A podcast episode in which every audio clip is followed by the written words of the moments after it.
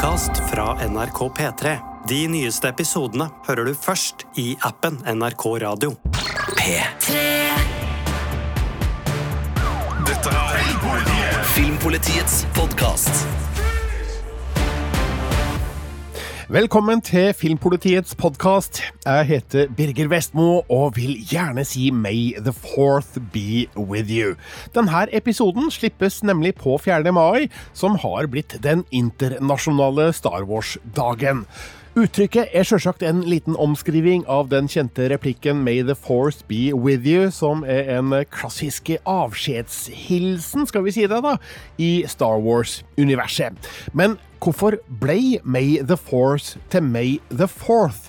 Vel, sommeren 1978, ett år etter at den første filmen kom, brukte noen amerikanske aviser May the Fourth be with you som en morsom måte å feire 4. juli på, altså USAs uavhengighetsdag.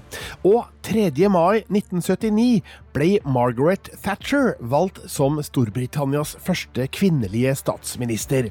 Dagen etter satt det konservative partiet, også kjent som The Tories, inn en halvsides annonse i avisa The London Evening News for å feire seieren med teksten May the fourth be with you, Maggie. Congratulations. Siden har både den vittige omskrivinga og datoen blitt en grasrotfeiring av alt som har med Star Wars å gjøre, kanskje fordi mai er en viktig måned for serien. Den første filmen hadde tross alt verdenspremiere 25. mai 1977, og skaper George Lucas har òg bursdag i mai, nærmere bestemt den 14. Vi i Filmpolitiet hadde òg tenkt å markere Star Wars Day i denne podkasten ved å diskutere alle filmene og seriene som er under planlegging i årene som kommer. Vi hadde òg tenkt å utrope vinneren i vår The Mandalorian-konkurranse, der vi har bedt dere sende oss forslag til hvilke to figurer fra Star Wars-filmer og serier som dere ikke ville ha bodd i kollektiv med, og forklare oss hvorfor. Dessverre må alt det her utsettes inntil videre pga. sykdom i redaksjonen. Vi skal altså kåre en vinner, men du må smøre deg med litt tålmodighet en stund til. Isteden vil jeg gjerne invitere deg med på et dykk i NRK-arkivet for å høre hva jeg har meint om alle de ni Star Wars-filmene som har kommet i løpet av de 25 årene Filmpolitiet har eksistert. Fra Den skjulte trussel i 1999 til The Rise of Skywalker i 2019. Og da har jeg allerede avslørt hvor vi begynner hen. Her er min dom over Star Wars episode 1 Den skjulte trussel, sendt første gang 19. august 1999. Filmpolitiet anmelder film. I have a bad feeling about this. I don't sense anything. It's not about the mission master, it's something elsewhere. Jeg har ingen spesielle bad feelings om episode 1. George Lucas har skapt en film med mer visuelt snadder enn i det siste tiårets science fiction-produksjon fra Hollywood til sammen. Hans lydfolk har lydlagt filmen på en måte du garantert aldri har hørt før. Og historien er akkurat passe episk. Jedi-ridder Quai-Gon Jinn og hans lærling, den unge Obi-Wan Kenobi, redder prinsesse Amidala fra planeten Naboo når Handelsføderasjonen invaderer Naboo på ordre fra sin onde leder Darth Sidious. Queen Amidala is young and naive. You will find controlling her will not be difficult. Yes, my lord. På vei til Coruscant må de lande på sandplaneten Tatooine, der de møter unggutten Anakin Skywalker, som blir en viktig brikke når kampen mot de invaderende styrkene på Naboo tar til. I had a dream I was a Jedi. I came back here and freed all the slaves. Have you come to free us? No, I'm afraid not. I think you have. Why else would you be here? En annen viktig brikke blir Jar Jar Binks, en Gungan som ble forvist fra sine egne på Nabu fordi han er en uh, en klums. Monsters out there, leaking in here, all sinking and no power? When are you so thinking we are in trouble?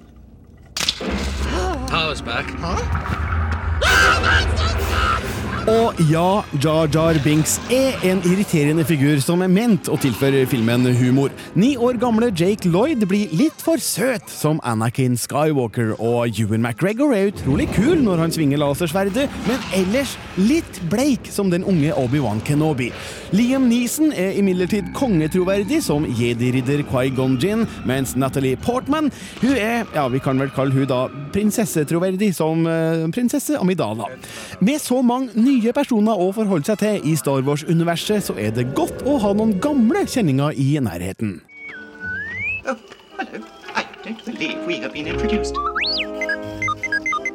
R2D2, a pleasure to meet you. I am C3PO Human Cyborg Relations.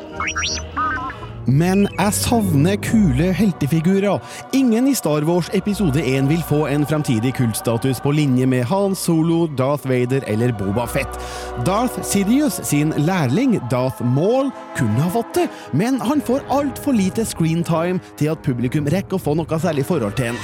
Han ser likevel tilstrekkelig ond ut, og sverdfightene han utkjemper med jedi-ridderne, er sinnssykt tøff. Nesten det beste i filmen.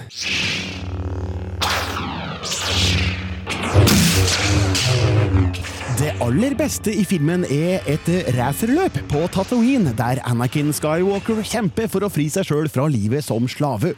Gjennom denne 15 minutter lange sekvensen sitter du ytterst på stolsetet med hjertet i halsen. Maken til fartsfølelse har vært ikke jeg har hatt siden Flåklypa Grand Prix, som det her racet helt fortjent har blitt sammenligna med. Where is Master Anakin? Look, here he comes. It looks like Skywalker's moving up the field.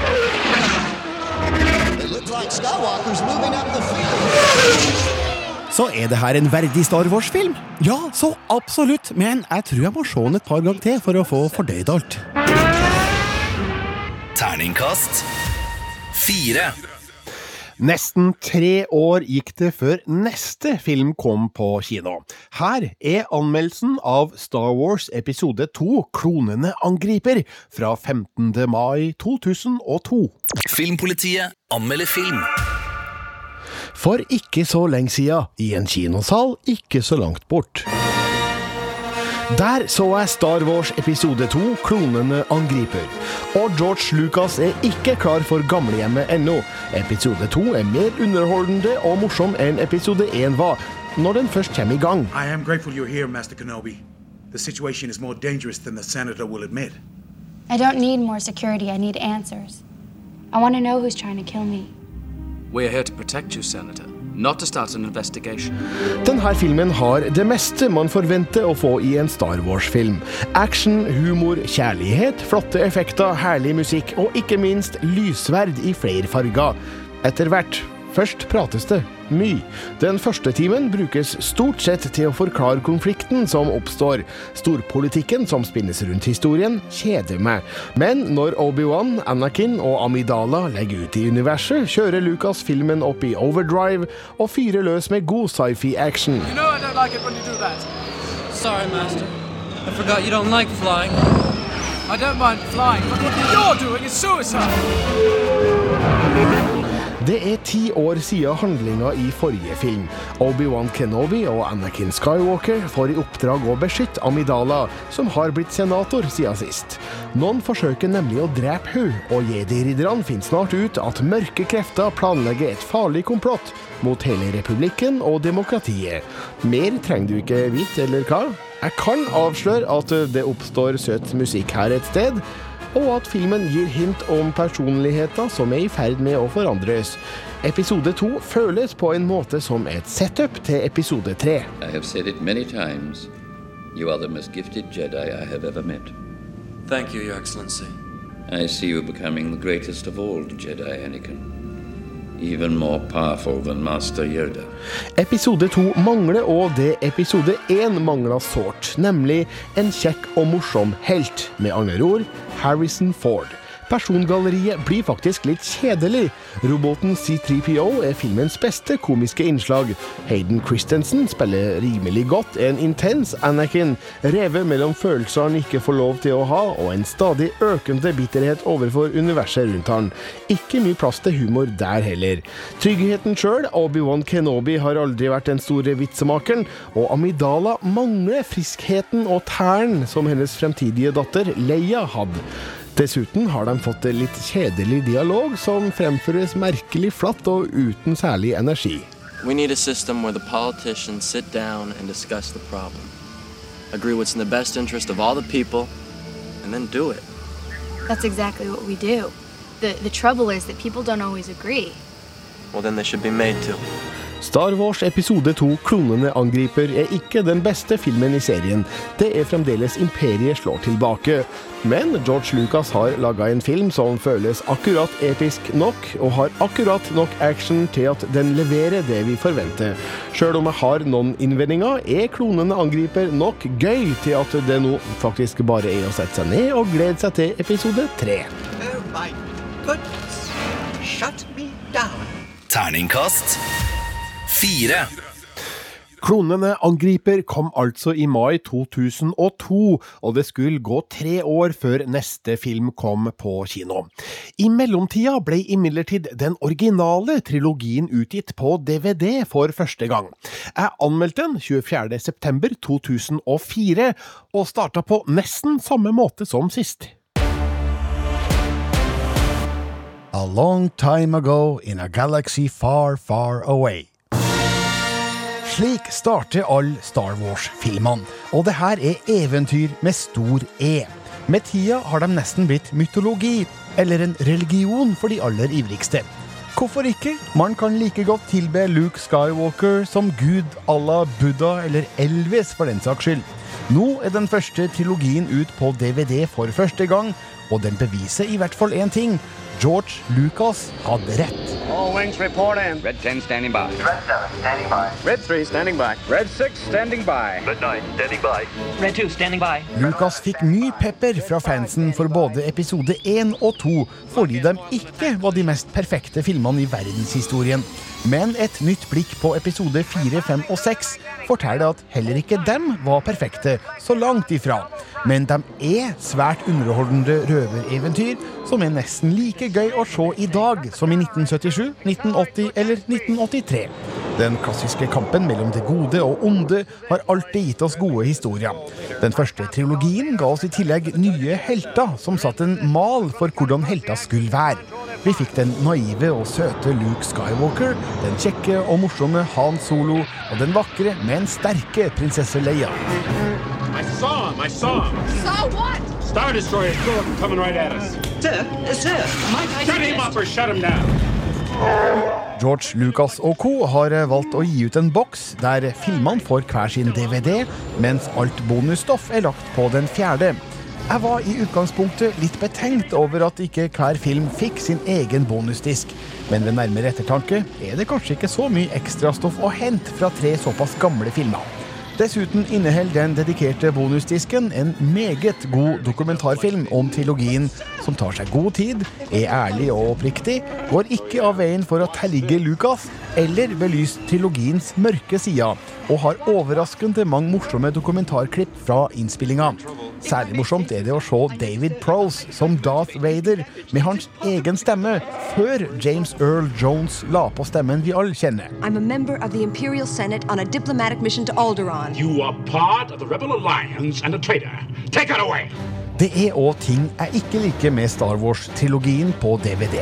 Sjølve boksen ser fin ut, men er laga av tynn og skrøpelig papp, som garantert vil bli ødelagt ved det minste lille uhell. Jeg er heller ikke så imponert over menyene.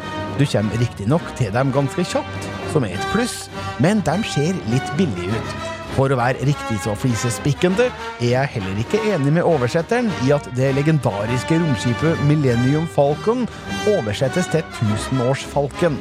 Men heldigvis oversettes ikke Your Father's Lightsaber til din fars lette sabel her, som det ble i spesialversjon av episode 4 i 1997. What is it? Your father's lightsaber. This is the weapon of a Jedi Knight. Not as clumsy or random as a blaster. An elegant weapon. Star Wars-trilogien bør sjølsagt finnes i enhver DVD-samling. Det her er filmhistorie som holder mål den dag i dag, sjøl om noen av spesialeffektene er utdatert på en litt rørende måte. Men man må huske at det her var nybrottsarbeidet som forandra måten denne typen film ble laga på. Uansett er de tre første Star Wars-filmene gjennomsyra av eventyrlyst og glødende entusiasme. Det smitter over på meg fremdeles. Jeg har hatt en fantastisk morsom uke sammen med denne boksen. Dette er den perfekte måten å bli glad i film på. Shot, kid. That was one in a million. Remember, the Force will be with you, always.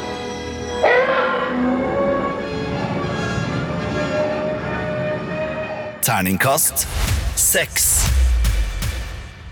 Ja, sånn ble altså Star Wars Trilogy anmeldt i september 2004. Nå er jo DVD-formatet sjølsagt utdatert, og de her filmene har siden blitt utgitt i nye versjoner på både Blu-ray og 4K UHD Blu-ray, samt at alle filmene er tilgjengelig på Disney.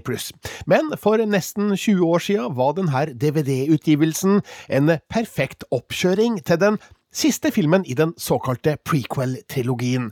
Her er min dom over Star Wars episode 3 Sithene tar hevn fra 20. mai 2005, som for øvrig var den aller første digitale kinovisninga jeg så. Filmpolitiet anmelder film. The dark side of the Force is a pathway to many abilities some consider to be unnatural. Is it possible to learn this power? Not from a Jedi. Det er fullbrakt for George Lucas. Han har satt et kult punktum for sin Star Wars-saga med episode tre Sithene tar hevn. Han meldte tidlig at denne filmen kom til å være mørkere enn de andre, og han kødda ikke. Anakin Skywalkers overgang til den mørke sida har noen øyeblikk som gjør inntrykk. Det her er i tillegg en vill actionfilm med svært høyt tempo. Lucas går ut i 100 og holder seg der. Episode 3 imponerer både som selvstendig film og som tilrettelegger for episode 4, 5 og 6. Twisted by the dark side, young Skywalker has become. Anakin Skywalker er hemmelig gift med dronning Padme Amidala. Nå venter de barn. Men Anakin har skumle visjoner om at Padme dør under fødselen, og pirres derfor av kansler Palpatins historie om sithenes evne til å redde liv. Samtidig føler Anakin at Jedi-rådet ikke stoler på han. Palpatin tar Anakin under sin vinge for å skape han til Darth Vader, slik at de sammen kan utrydde jedi-ridderne og herske alene i sitt nye galaktiske imperium. Learn to know the dark side of the Force, and you achieve a power greater than any Jedi. De aller fleste vet mer eller mindre nøyaktig hva som skjer i episode tre.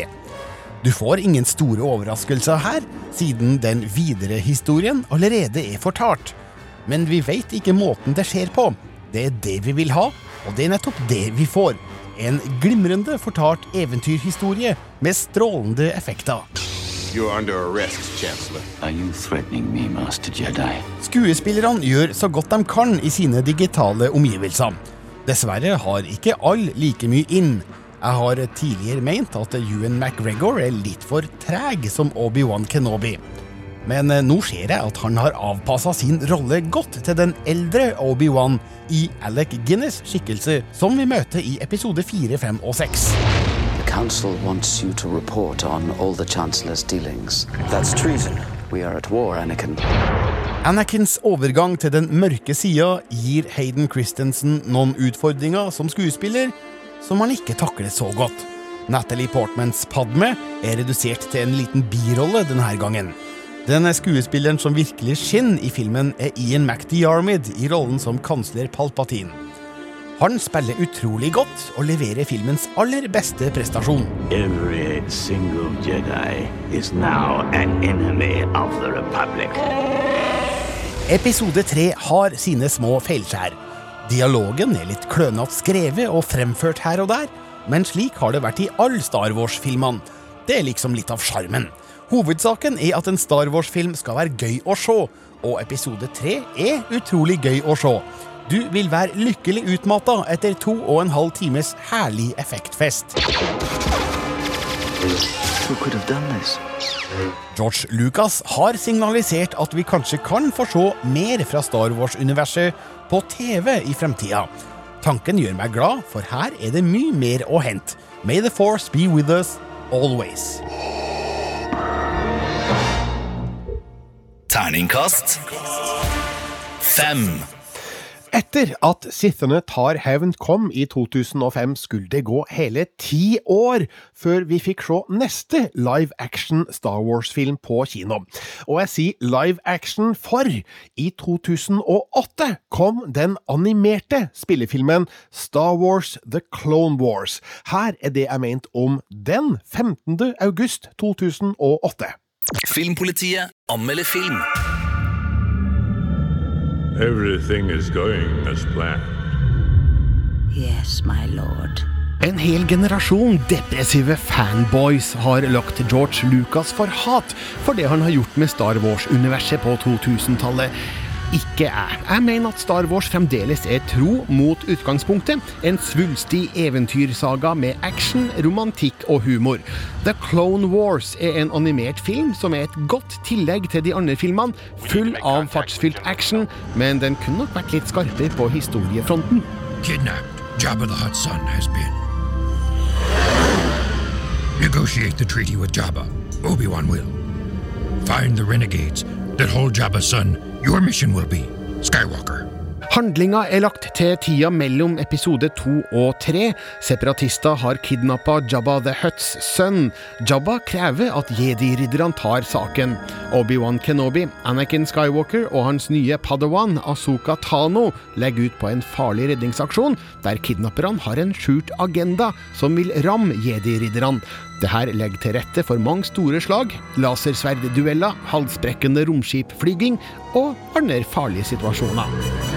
Soon the Jedi will not only be at war with you, Count, but the Hutt clan as well. Historiens svakhet er at den ikke virker særlig viktig. Jabbas sønn kidnappa? Ja vel. Jabba viktig alliert? Ja vel. Men jeg får meg ikke til å tenke at dette det er en spesielt stor hendelse i Star Wars-universet. Filmen mangler òg en større overhengende historie, slik de fleste filmene har. Fokuset er retta mot actionunderholdning, og her gjøres det heldigvis mye bra.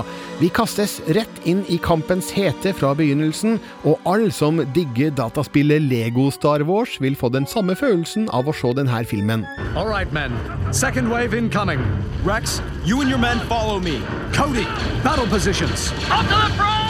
Animasjonen er veldig god, med unntak av noen bakgrunner som virker mistenkelig statiske. Men figurene er pent animert, med karakteristiske trekk. Lucasfilm Animation har ikke gått etter realisme her, men funnet et nivå som vil gjøre det mulig å videreføre animasjon i den kommende TV-serien. Det er pent nok for meg, og heller i hvert fall for målgruppa The Clone Wars er ment for, nemlig de yngre. Aldersgrensa er 11 år, men jeg tror nok at også unger ned i sjuårsalderen vil elske det her. De yngste kan se filmen med utmerket norsk dubbing.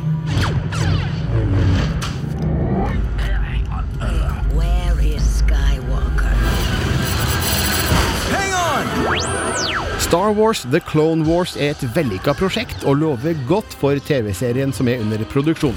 Det er allerede produsert tre sesonger av The Clone Wars, men nå starter man på nytt med nye krefter og dataanimasjon. Jeg liker det jeg ser, og håper at The Clone Wars kan bidra til at Star Wars-universet holder seg vitalt en stund til. You failed, Jedi. Terningkast fire. Ja, sånn anmeldte jeg altså Star Wars The Clone Wars i 2008. Filmen ble etterfulgt av en svært populær og viktig serie med samme navn, som gikk over sju sesonger mellom 2008 og 2020.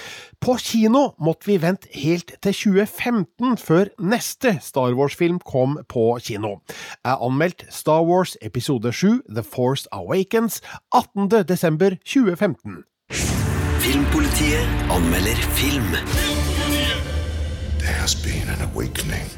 Have you felt it? Denne anmeldelsen er fri for avsløringer. Faktisk vil jeg nesten ikke si noe om hva Star Wars The Force Awakens handler om. Det er overraskelsene, oppdagelsene og vendingene som gjør denne historien til en av seriens beste. Regissør JJ Abrams har gitt oss en Star Wars-film som er bedre enn det verden anno 2015 kanskje fortjener. Det her er en spektakulær, frisk start som setter prequel-filmene fra 1999 til 2005 i skammekroken, men står skulder til skulder med de originale. Mitt filmhjerte banker av fryd og glede over at en av verdens beste filmserier er tilbake på nivået der den hører hjem, nemlig på den absolutte toppen. Det her er Star Wars-filmen jeg har drømt om, og litt til. Fra smakebitene vi har sett i den massive lanseringskampanjen, vet vi at historien plukker opp tråden ca. 30 år etter hendelsene i Jedi-ridderen vender tilbake. Vi møter bl.a. skrapjegeren Ray, spilt av Daisy Ridley, stormtrooperen Finn, spilt av John Boyega, og X-Wing-piloten Poe Dameron, spilt av Oscar Isaac. Skjebnen fører dem ut på et farlig eventyr gjennom verdensrommet, der Kylo Ren, spilt av Adam Driver, er en truende kraft. Noen gamle kjente blandes òg inn i begivenhetene, og vi får mer enn nok av både høy dramatikk, store følelser og eksplosiv sci-fi-action.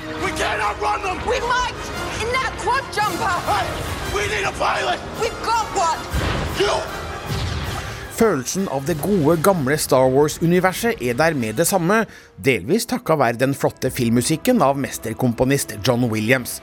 JJ Abrams fører et modernisert filmspråk, men tar i bruk mange av de samme virkemidlene som George Lucas satte standarden for i den første Star Wars-filmen i 1977.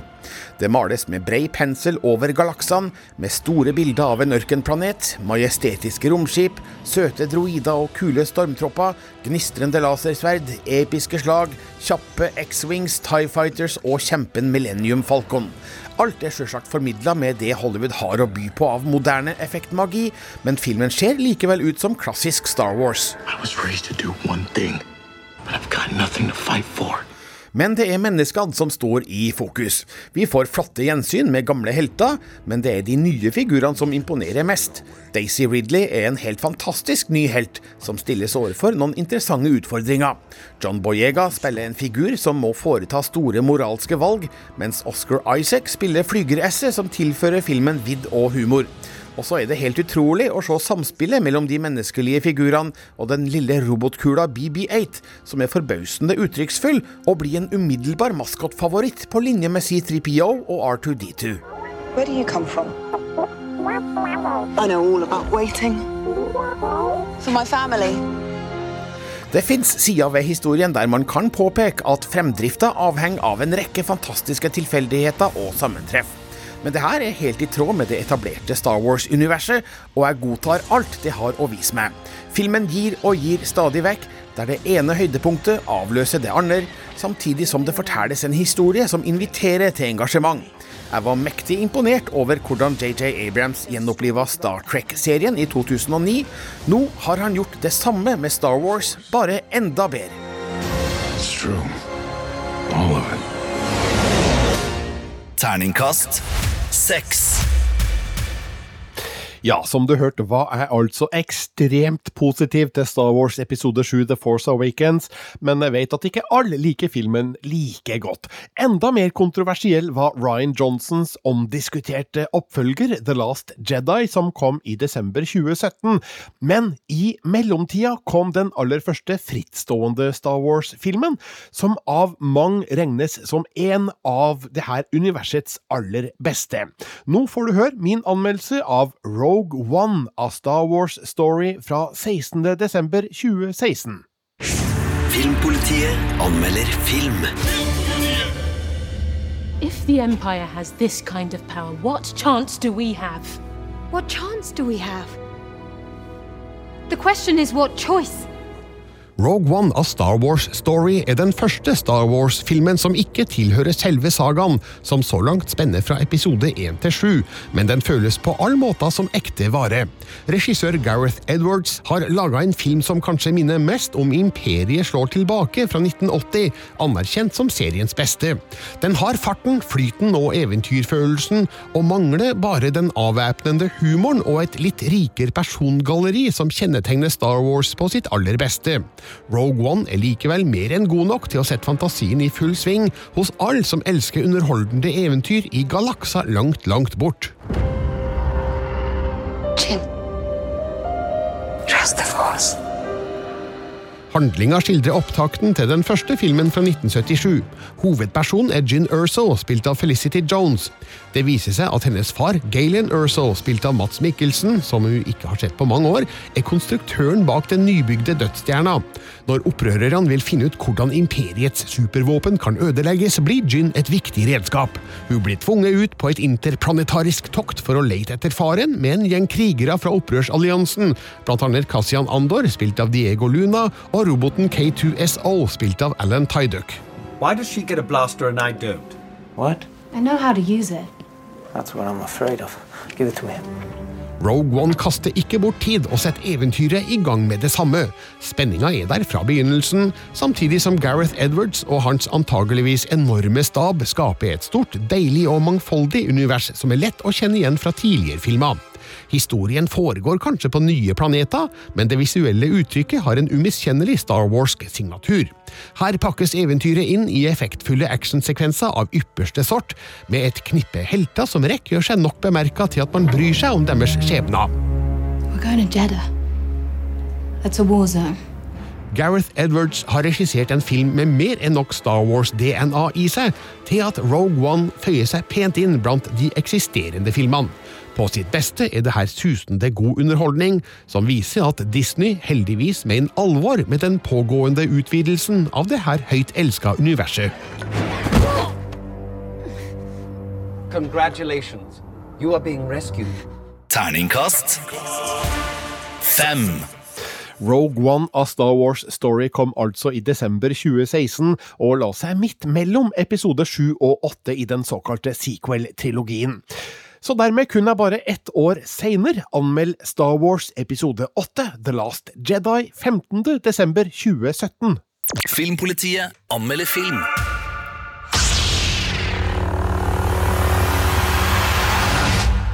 Star Wars The Last Jedi viser at manusforfatter og regissør Ryan Johnson har få problemer med å videreføre den fantastiske starten som JJ Abrams ga den nye trilogien med The Force Awakens. The Last Jedi gir riktignok ikke helt det samme umiddelbare gledessjokket, og har ikke like høy underholdningsevne som forgjengeren. Til gjengjeld har den en sterkere emosjonell nerve, som gjør det klinkende klart at det står mye mer på spill denne gangen. Det her gir filmen et solid spenningsnivå, samtidig som den har en sørgmodig undertone av at ting ikke varer evig. Star Wars The Last Jedi har både nye begynnelser og konkluderende avslutninger som vil glede, more og sjokkere. Something inside me has always been there. Detaljer fra handlinga skal du få oppdage sjøl, men utgangspunktet er godt kjent etter forrige film. Motstandsbevegelsen, under ledelse av Leia, spilt av Carrie Fisher, er på rømmen fra First Order, med øverste leder Snoke, spilt av Andy Serkis, og Kylo Ren, spilt av Adam Driver, i spissen. Samtidig får vi se hva som skjer når Ray, spilt av Daisy Ridley, tar kontakt med den legendariske jedi-ridderen Luke Skywalker, spilt av Mark Hamill, i håp om å få han tilbake til motstandsbevegelsen. I've seen this raw strength only once before. Didn't scare me enough then. Ryan Johnson greier å formidle nære og personlige prøvelser satt i en historie i enorm skala.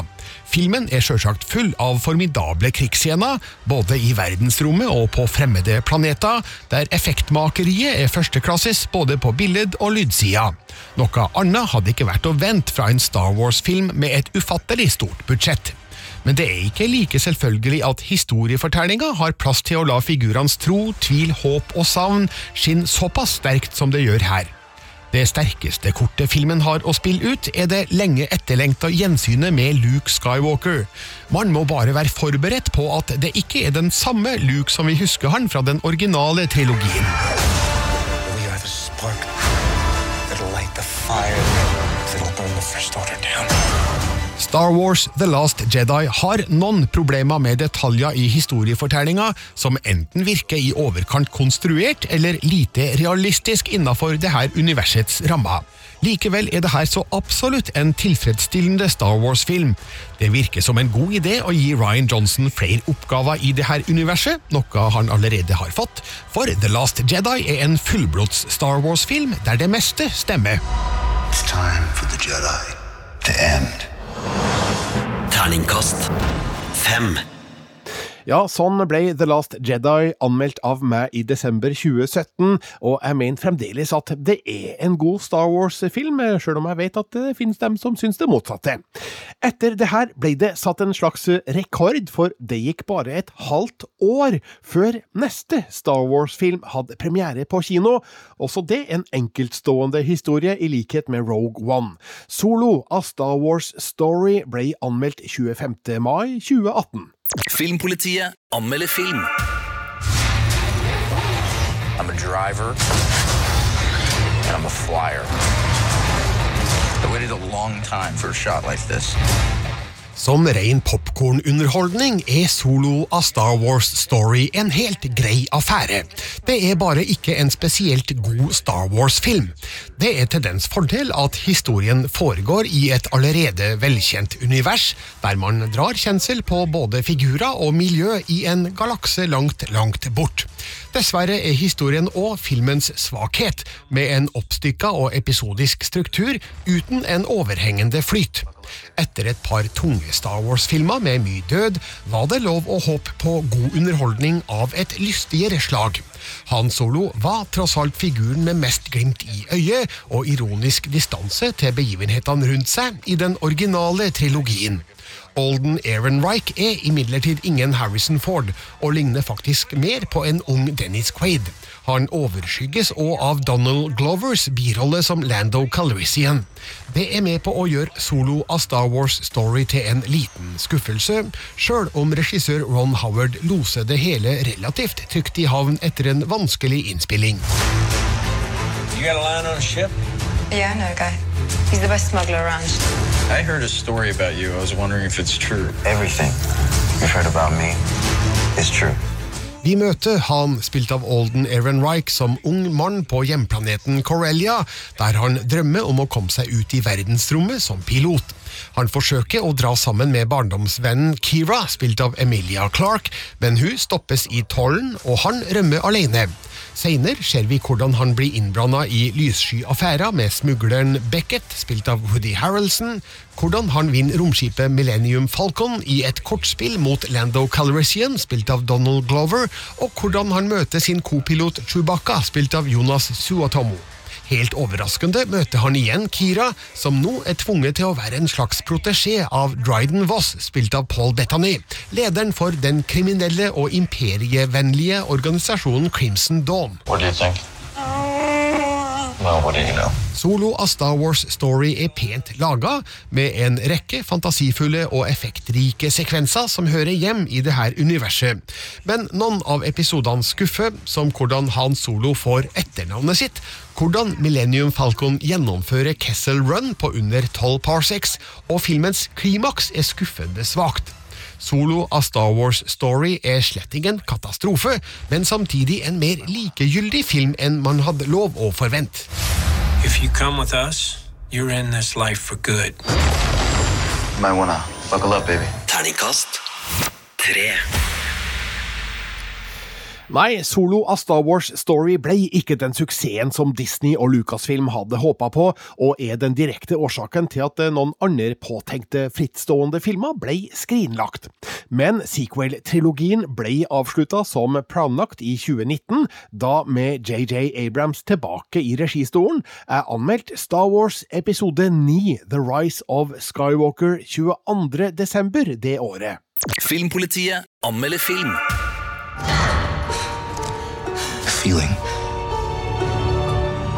The Force brought us together.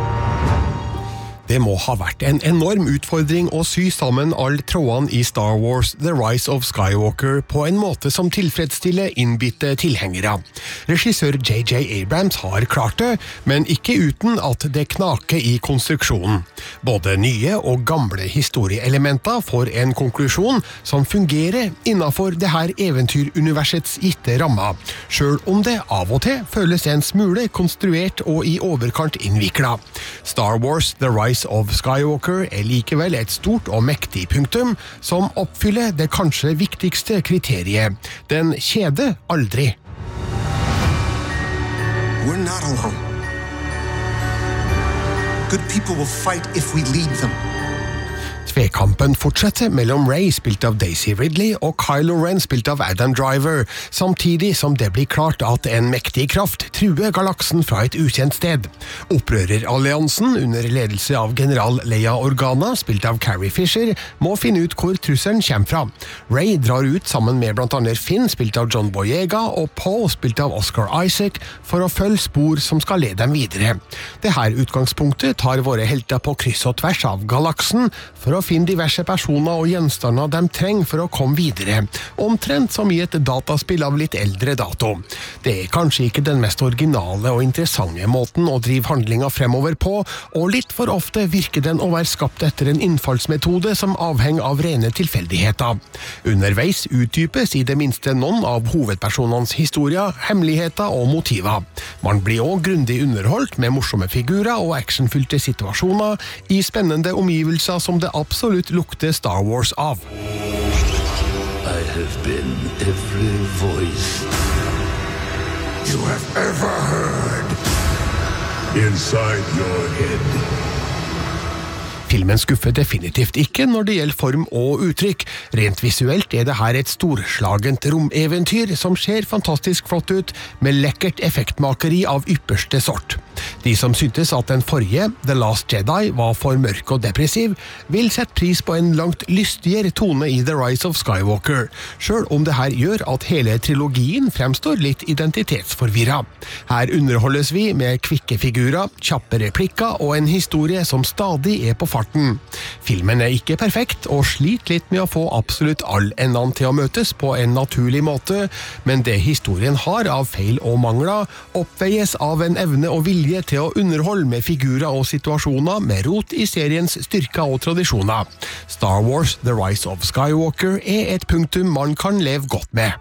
Hva gjør du der, 3PO? Taking one last look, sir, at my friends. Terningkast fire.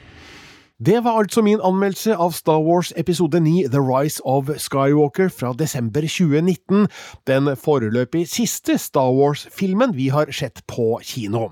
Men det kommer mer, flere nye filmer, og også noen serier ble annonsert på Star Wars Celebration i påska 2023, og alt tyder på at vi har mye å se frem til. Det skal vi ta for oss i en annen podkast ved en senere anledning. Da skal vi òg kåre vinneren av vår The Mandalorian-konkurranse, der vi altså spør hvilke to figurer fra Star Wars-filmene eller seriene ville du ikke ha bodd sammen med i et kollektiv, og hvorfor? Vi tar fremdeles imot dine svar på filmpolitiet alfakrøll nrk.no. Denne podkasten er over. Husk at du òg kan høre Filmpolitiet på P3 hver søndag klokka tolv, og les alle våre anmeldelser på p3.no filmpolitiet. Jeg heter Birger Vestmo, og igjen, may the fourth be with you.